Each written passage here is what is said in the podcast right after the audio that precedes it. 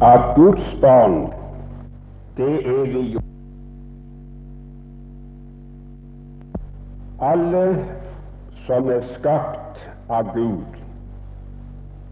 er brødre, og han er alles far. Og Derfor mener man at det er feil å peke noen ut som Guds barn og andre som slike som ikke er det. Det gis ingen forskjell. Guds barn, det er alle som er skapt av Ham. Uten å komme noe nærmere inn på det, så vil jeg bare ha sagt tydelig og bestemt at det syn på menneskene er i åpenbar strid med Guds ord. Da Johannes skrev sitt brev, er det påviselig at han ikke hadde til hensikt å si at alle mennesker uten forskjell var Guds barn. Det kan du se av første linje av det tiende vers i samme kapittel. For der sier han nemlig så På dette kan Guds barn og djevelens barn kjennes. Så han var seg bevisst to slags mennesker. Mennesker som var Guds barn, og mennesker som betegnes som djevelens barn. Og jeg vil gjerne at du skal notere deg at de ordene var sagt av kjærlighetens apostel. Mange synes at det er en ufin og en hård, ubarmhjertig tale å snakke om djevelens barn og Guds barn. Men selv den apostel som kalles for kjærlighetens apostel, har Gud brukt til å skrive det. Men ikke bare det. I evangeliene finner vi at den Herre Jesus selv brukte like harde ord, like grov kalibrede ord som Johannes brukte. Tenk bare på hva han skrev eller sa i Johannes 8, vers 44, den første linje. I har djevelen til far og vil gjøre hans lyster. Og den gangen talte Herren til eh, fromme, alvorlige og religiøse mennesker. Kremen av det religiøse folk innen Israel, og sa dem like i ansiktet dere har djevelen til far og vil gjøre hans lyster. Mennesker som hadde djevelen til far, fant den Herre Jesus ikke bare i Jerusalems slumkvarter, men han fant dem også i synagogen og i tempelet, som den gangen var Guds hus.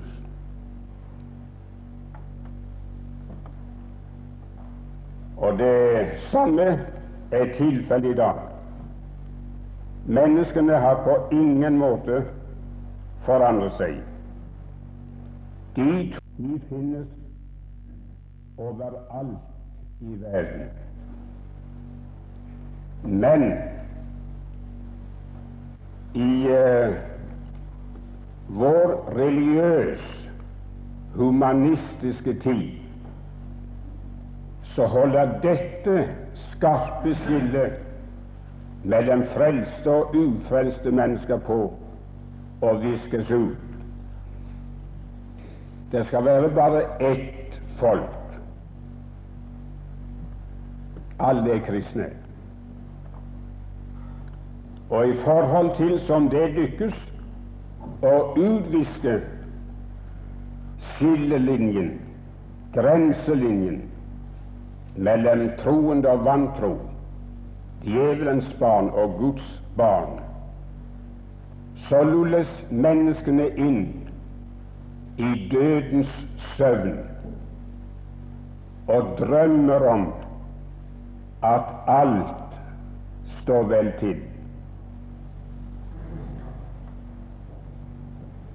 Det å stå på en prekestol, enten det er kirke eller bedehus, og si 'vi og oss' og 'kjære kristne' og Kristi menighet til alle uten forbehold og uten forskjell. Det djevelens morfinsprøyte som brukes i dag. Folket bedøves og lulles i søvn, og der oppstår ingen frelsesnød i sjelene. De håper på at alt er vel.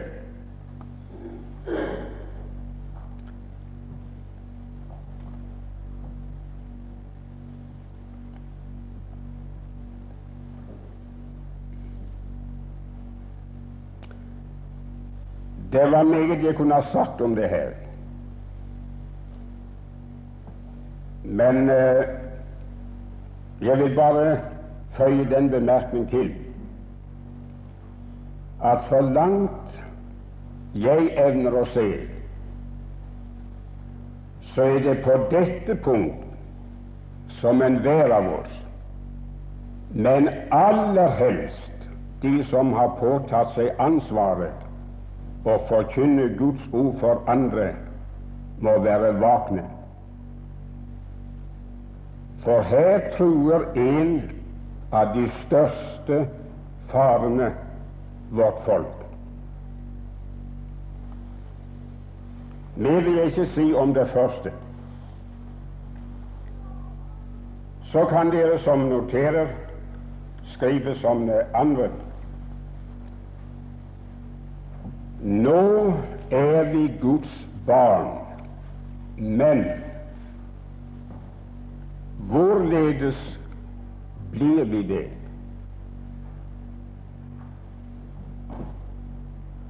Når vi leser Johannes' første brev, forresten alle hans tre brever, så svarer han ikke på det spørsmålet. Han sier bare, som vi har lest, at nå er vi Guds barn. Men hva tidlig ble det? Og på hvilken måte de ble det, sier han ikke et ord om. Og jeg for min del tror at grunnen er den at han forutsetter at de som leser hans brev, de har lest hans første bok, nemlig Johannes evangeliet. Og de som har lest den boken, de vil vite det. For i kapittel 1 og Vi kan slå opp og lese det. Der sier han i vers 11 og til og med 13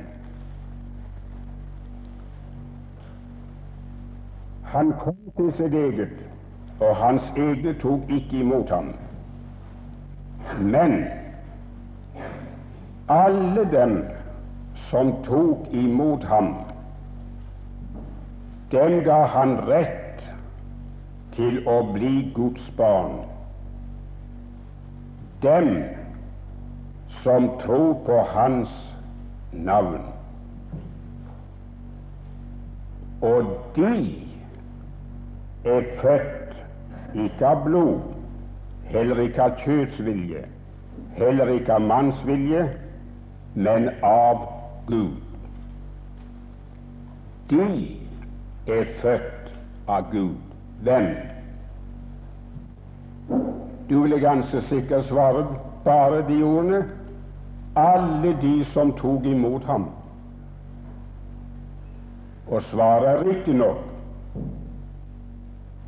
Men Johannes har tilføyd en forklaring. Hvem er alle de som tok imot ham? Der står den som tror på Hans navn. Det er hovedsaken.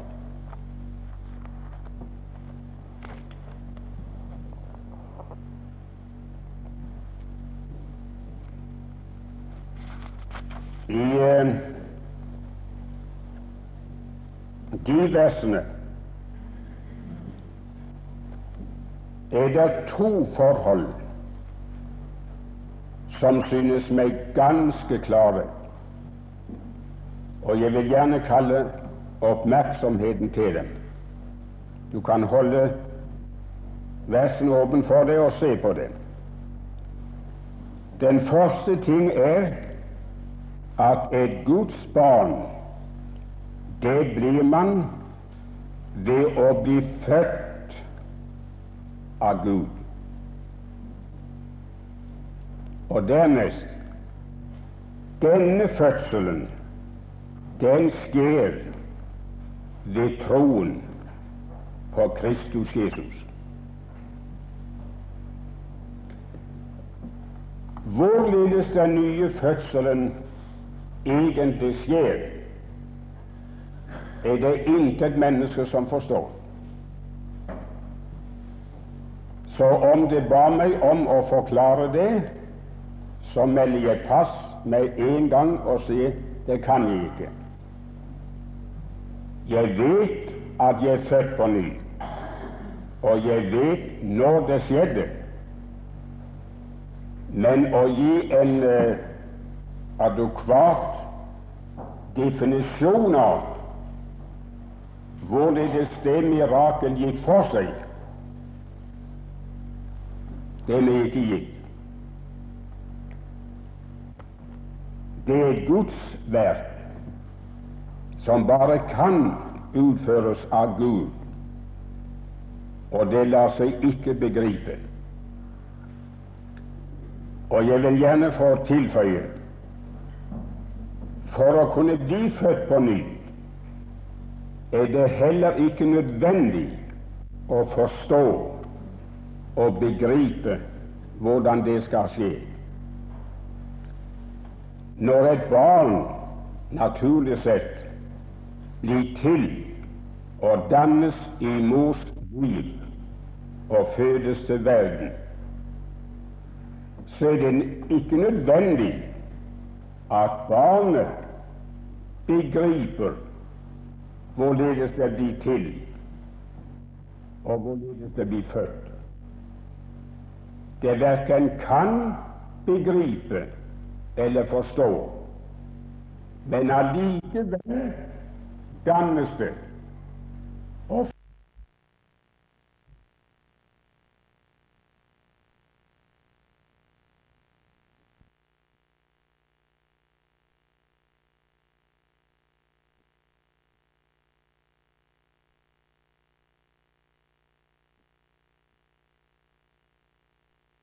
Men allikevel dannes det og fødes inn i denne verden. Jeg behøver ikke forstå, ikke begripe på hvilken måte det underet skjer at jeg fødes til et nytt menneske. Det er nok når han som skal gjenføde meg, forstår det og vet på hvilken måte det skal gjøres. Så det blir hans sak. Det som er hovedsaken for oss, det er å vite det som vi leste her, at de som er født av Gud, er de som tror på Hans Sønns navn. Det er lett å si de få ordene. Og det er lett for dere å skrive dem ned, og det er lett å gjenta dem og sitere dem. Men det er noe ganske annet, venner, å være helt og fullt klar over hva de uttrykkene rom At vi blir Guds barn, blir født av Gud ved å ta imot Hans Sønn og tro på Hans Sønns navn. Så vet vi at det hele er avhengig av Guds ord og vårt standpunkt til det.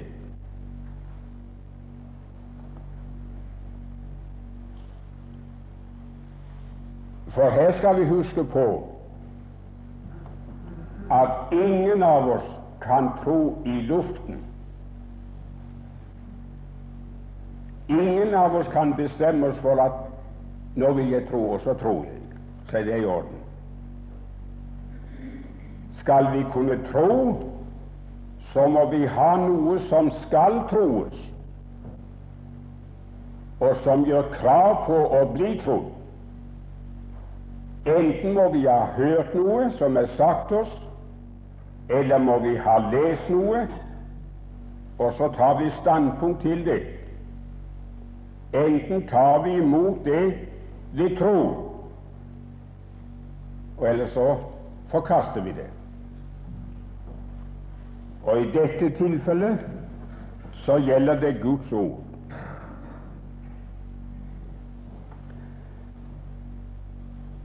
Den gangen i Johannes 3, da Jesus hadde en samtale med Nikodemus, og han fikk vite at han måtte fødes på ny, så forsto han ingenting av hvordan det skulle skje. Og det var han åpen og ærlig nok til å vedgå, og spurte Herren Hvorledes kan dette skje? Hvorledes kan et menneske bli født en gang til? Kan han på nytt komme inn i mors liv og fødes om igjen? Så dum og vitende var han med hensyn til å bli født på ny. Og så vil jeg gjerne bemerke jeg vil ha det presisert at Jesus ga ham ingen tankemessig og teologisk definisjon av hvorledes det skulle foregå. Han gjorde bare klart for ham først at han måtte fødes på ny. Og han visste at den fødselen den kunne bare skje ved tro. Og så forkynte han ham noe som han skulle tro.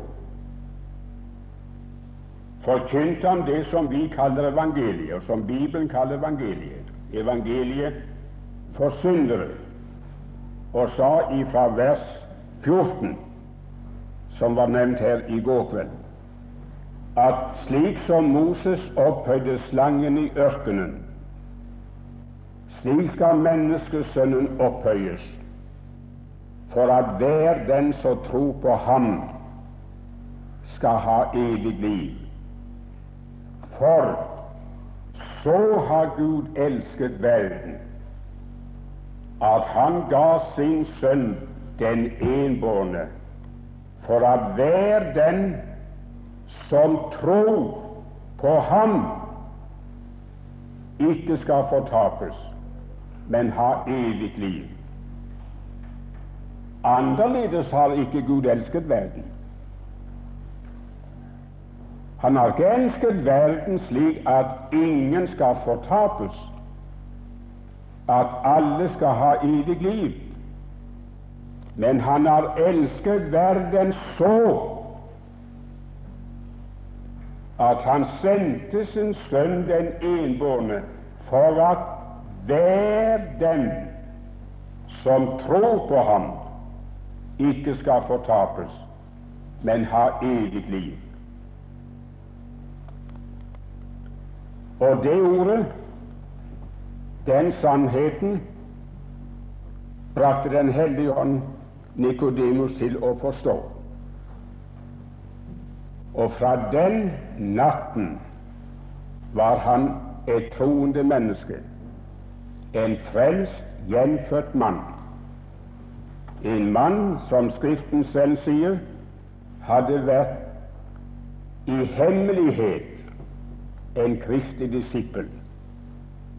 Men dagen kom da han ikke kunne holde det hemmelig lenger, men trådte fram i lyset og bekjente sitt forhold til Herren.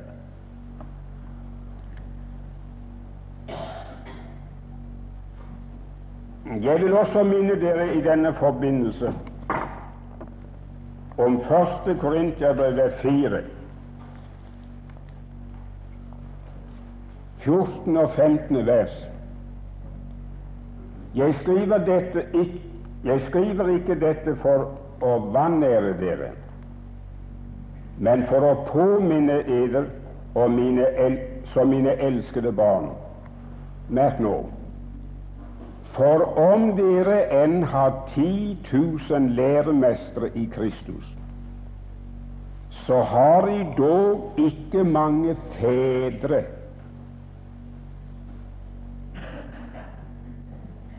For jeg har avlet edel ved evangeliet.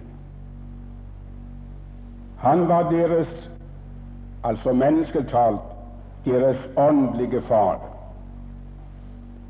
Ved å forkynne evangeliet i Korint hadde han blitt redskap til å avle dem til Guds barn i denne verden.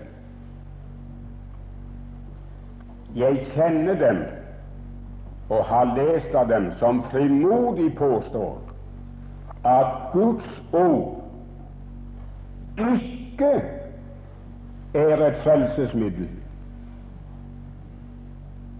Jeg sov ikke.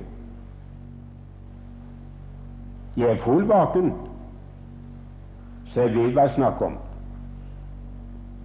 Og tviler noen av dere på hva jeg har sagt nå, så kan det bli med meg hjem til Åkrehavn og få se det på trykk. Jeg skal sitere litt om et øyeblikk. Men her står det uttrykkelig at 'jeg har avlet eder ved evangeliet'. Og han nevner ingen annen ting hvorved han har avlet dem enn evangeliet. Peter han skriver i sitt første kapittel og 23. vers dere som er gjenfødt, ikke ved forgjengelig, ikke ved forgjengelig, men ved uforgjengelig sæd, som er Guds ord, og som lever og som blir. Som naturlige mennesker så er vi avlet og satt inn som barn i verden. Men som sådan er vi avlet av forgjengelig sæd. Så hva vi er som et Adams barn, må vi føle siden opphøre å være til. Vi er for krenkeligheten og forgjengeligheten underlagt. For slik som sæden er, slik blir også avkommet. Nå er vi som Guds barn gjenfødt, ikke ved forgjengelse, men ved uforgjengelse. Og hvilken sæd? Som er Guds ord, og som lever og blir. Og Jakob han skriver i sitt brev, første kapittel og vers 18, at ved sannhetsord har han født oss. Han nevner ikke noe annet.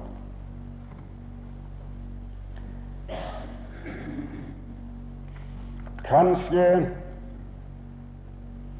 Nei, jeg skal spare det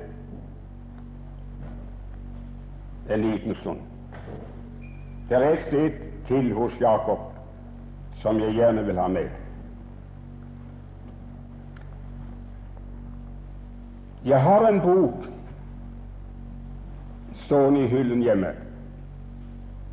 Har hatt den nå i noen år. Hvor i forfatteren, og det er en av vårt lands lærdeste teologer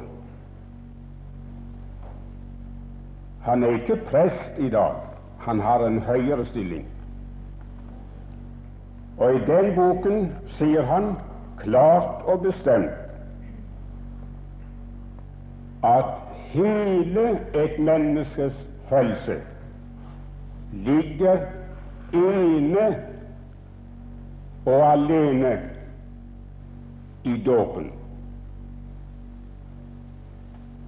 Jeg vil gjerne ha de ordene understreket. Hele frelsen ligger ene og alene, eller bare, i dåpen. Og i den forbindelse sier han like fram at Guds ord er ikke et nådemiddel til frelse i likhet med dåpen. Det er ord.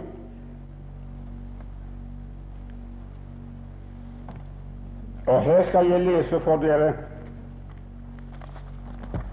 hva som er skrevet av en annen lærd mann.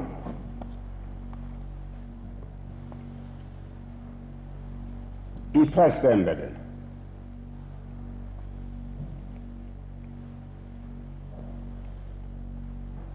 Begynner med dåpen. Den er vårt fundament og støtter seg ikke på noe bibelsyn og begrunnes ikke ut fra Bibelen. I parentes, kjære folk, hva begrunner de det med, da? Det kunne jeg ha lyst til å vite. Og videre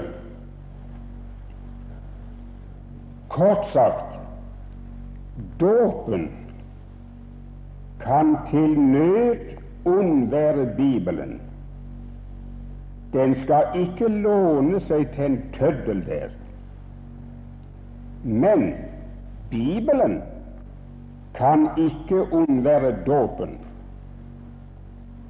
Bibelen er død og maktesløs, er intet og kan intet uten dåpen. Hvis all dåp opphørte, ville kristendommen utdø, om så verden var full av bibler. For en bok kan nemlig ikke føde et menneske til evig liv.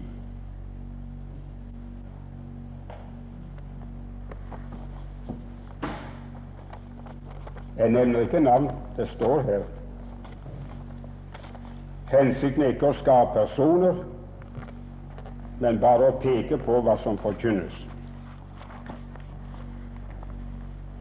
Det er kanskje noen av dere som ikke synes om at jeg påpeker slike ting ved bibelkurs. Men jeg ser det slik at det som en mann har sagt og skrevet offentlig, det har enhver annen rett til å uttale seg om offentlig. Og det som jeg har sitert og lest nå, det synes meg å være så alvorlig at det er høyst påkrevd at det ropes et varsko. Stakkars vårt norske folk. Jeg vet ikke hvor det bærer hen. Det er ofte snakk om gi den dagen kom at vi fikk den gamle legmannsforkynnelsen og lekmannstonen igjen, som vi en gang hadde. Men hva var den for noen? Det som var kraften og brodden og hemmeligheten ved den, det var nettopp det de satte menneskene så å si stolen for døren og sa du må bli født på ny. Og blir du ikke født på ny, går du fortapt, hva du ellers gjør. Og det var forkynt så sterkt at folk de vågde simpelthen ikke å slå seg til ro før de var klar over nå er det miraklet skjedd. Nå er jeg født. Og i de tidene, venner, da opplevde vi nød, gråt og skrik i forsamlingene våre av mennesker som var beyond vakne og forsto at her, her gjelder det om å bli frelst fra noen ting. Men da opplevde vi også at de ble frelst. Og hvis de var blitt frelst, og vi fikk høre deres glade, lykkelige vitnesbyrd om at da og da og derved, ved det og det ord, løste Gud meg og ført meg over fra døden til livet. Jeg er nå blitt for gammel, men Gud gi at slike dager kommer igjen i vårt land. Men det kan hende om de kommer, så blir det en god stund før de kommer.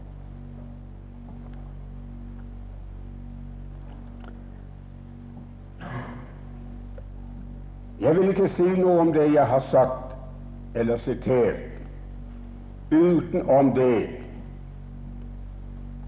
at hva de to menn har sagt og skrevet, og mange med dem Jeg har hørt det tydelig og klart uttalt her på Karmøy nå at det gis ingen annen inngang i Guds rike enn ved dåpen. Så det er ikke bare en og annen som preker det.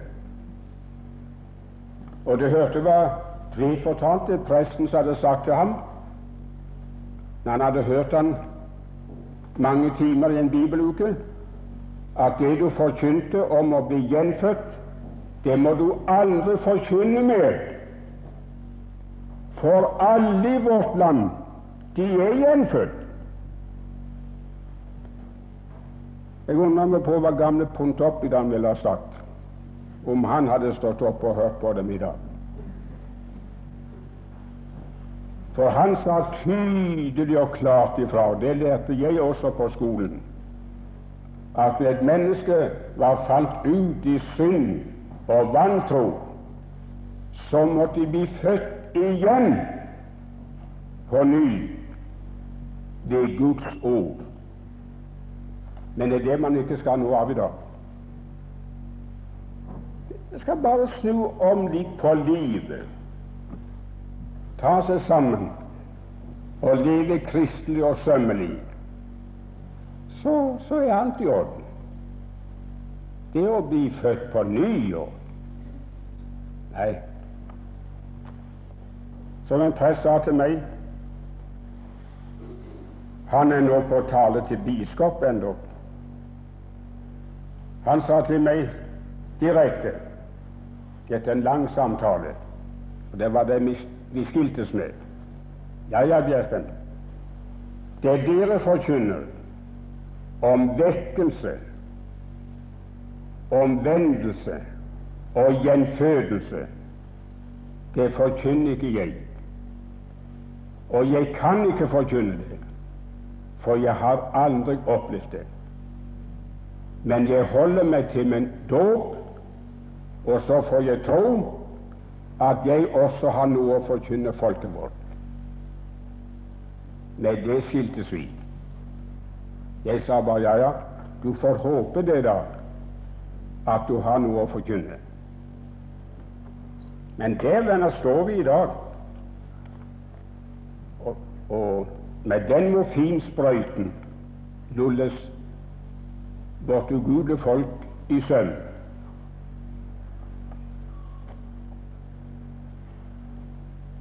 Jeg hadde bare et par bemerkninger til.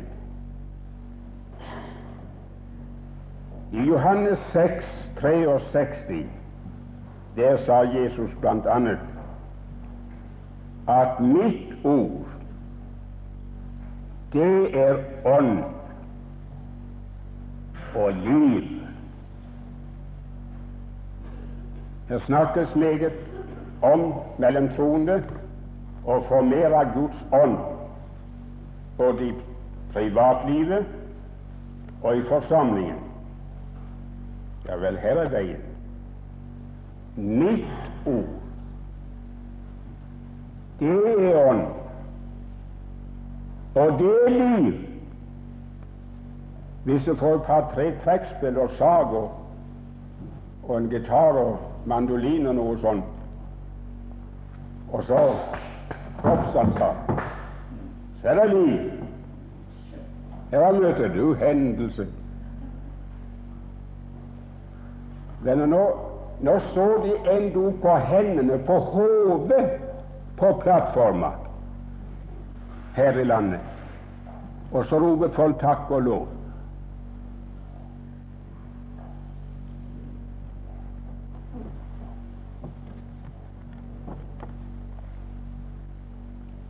Ja, han står og preker borte i Skien her for ikke svært lenge siden. Og prekte med en iver som var forskrekkelig, og så visste de ingenting, så så de bare to støvler i, i lufta. Han kastet seg rundt på plattformen og gikk på hendene og ropte halleluja. Amen. Ære være Faderen. For der satt de i forsamlingen og sa takk og lov og pris. Halleluja. Det kaller de liv. Det er djevelens løgn og bedrag. Men Herren sa nytt ord, det er ånd og det er liv. Og det ordet, venner, det skaper liv, og det oppholder liv. For hadde ikke ditt ord vært, så hadde jeg omkommet i min elendighet. Så kommer det verset fra Jakob som jeg gjerne ville ha med. Det er Jakob 1 og vers 21. Avlegg derfor all urenhet og all levning av ondskap. Og merk nå og ta med og ta med sagmodighet imot det ord, og ta imot det ord som er innplantet i eder, og som er mektig til å frelse eders sjeler. Vil du merke deg det uttrykket? Jeg har strekt under det i min bibel. Det ord som er innplantet i eder. Hva er det for noe vi planter? Har du planta noen ting? I hagen? På åkeren? Har du plantet fyrstikker? Har du plantet strikkepinner? Nei, det er ingen så vanvittige venner. For det der, det er døde ting. Så det er forgjeves å plante det. Det som plantes, det er noe som har liv, og som har mulighet for å bryte igjennom og vokse fram. Og står det i Skriften at Guds ord er plantet inn i et menneske, så er det dermed sagt underforstått at det ordet, det er levende. Men det levende ordet som er plantet inn, det er mektig til å frelse eders sjeler. Det har jeg opplevd for min egen del. Og jeg skulle bare ønske, venner, jeg hadde enda mer tro på at det ordet er mektig til å frelse folk hvis vi bare planter det inn i dem. Det er det som er hovedsaken for enhver som forkynner Guds ord, som har til formål at sjelen skal frelses. Det er ikke å snakke snakk, men å plante Guds ord inn i menneskene. Ikke vår forståelse av Guds ord, men selve skriftstedene, selve Guds ord. Arne Garborg han skriver i uh, Kålbotn-brevene bl.a. Han hadde en professor som han var veldig god venn med, og han besøkte ham ofte i hytta der på Kolbu. Og så skildrer han så levende som bare han kan skildre det en kveld. Han hadde besøk av professoren. Jeg merket det at det var en professor, ikke en dumsnut, men en professor. Og Skandinaviens skarpeste penn, Arne Garborg. De to sitter sammen der i hytta. Og når han skildrer hvordan de hadde det i hytta hvordan de var på Savalen og alt dette her. Så sier han Og så ble vi sittende der utover kvelden og snakket snakk.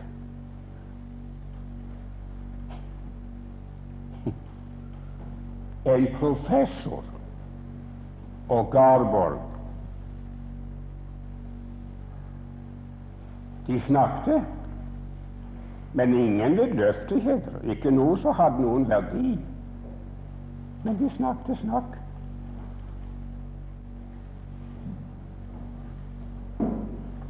Denne prester og predikanter i vårt land skal ikke beskyldes for at de ikke snakker og preker, men i forferdende mange tilfeller så snakker vi snakk. Og folk er like ugultne når de går ut, som når de kommer inn. Kom inn ufrelst og går ut ufrelst. Kom inn som en stridende, strevende troende og går ut igjen i samme trelldommen. For de hørte bare snakk, sånn, sånn fint, alminnelig, pen, Jesus-snakk. Men det er det som må gjøre, det er at selve Guds ord blir plantet inni oss. På hvilken måte? Vi vet det, og kan vite det, at vi er født av Gud, er født på ny, og følgelig er Guds barn. Det skal vi snakke om siden. Rett lenger rekker vi ikke nå. Fader i himmelen, du har hørt hva jeg har forsøkt å snakke om. Jeg har bare pekt på visse forhold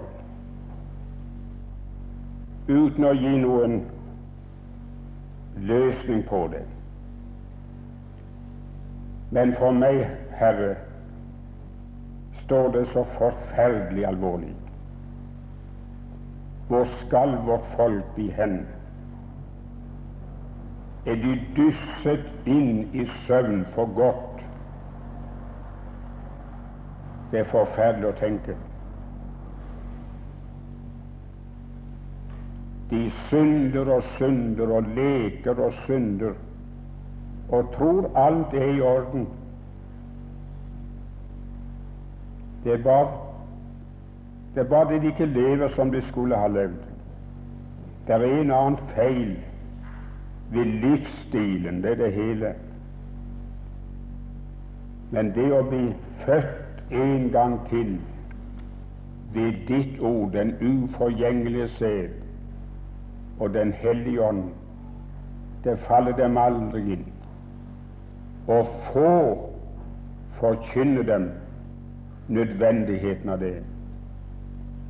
Gud forbarm deg over oss og hjelp oss før det er for sent. Amen.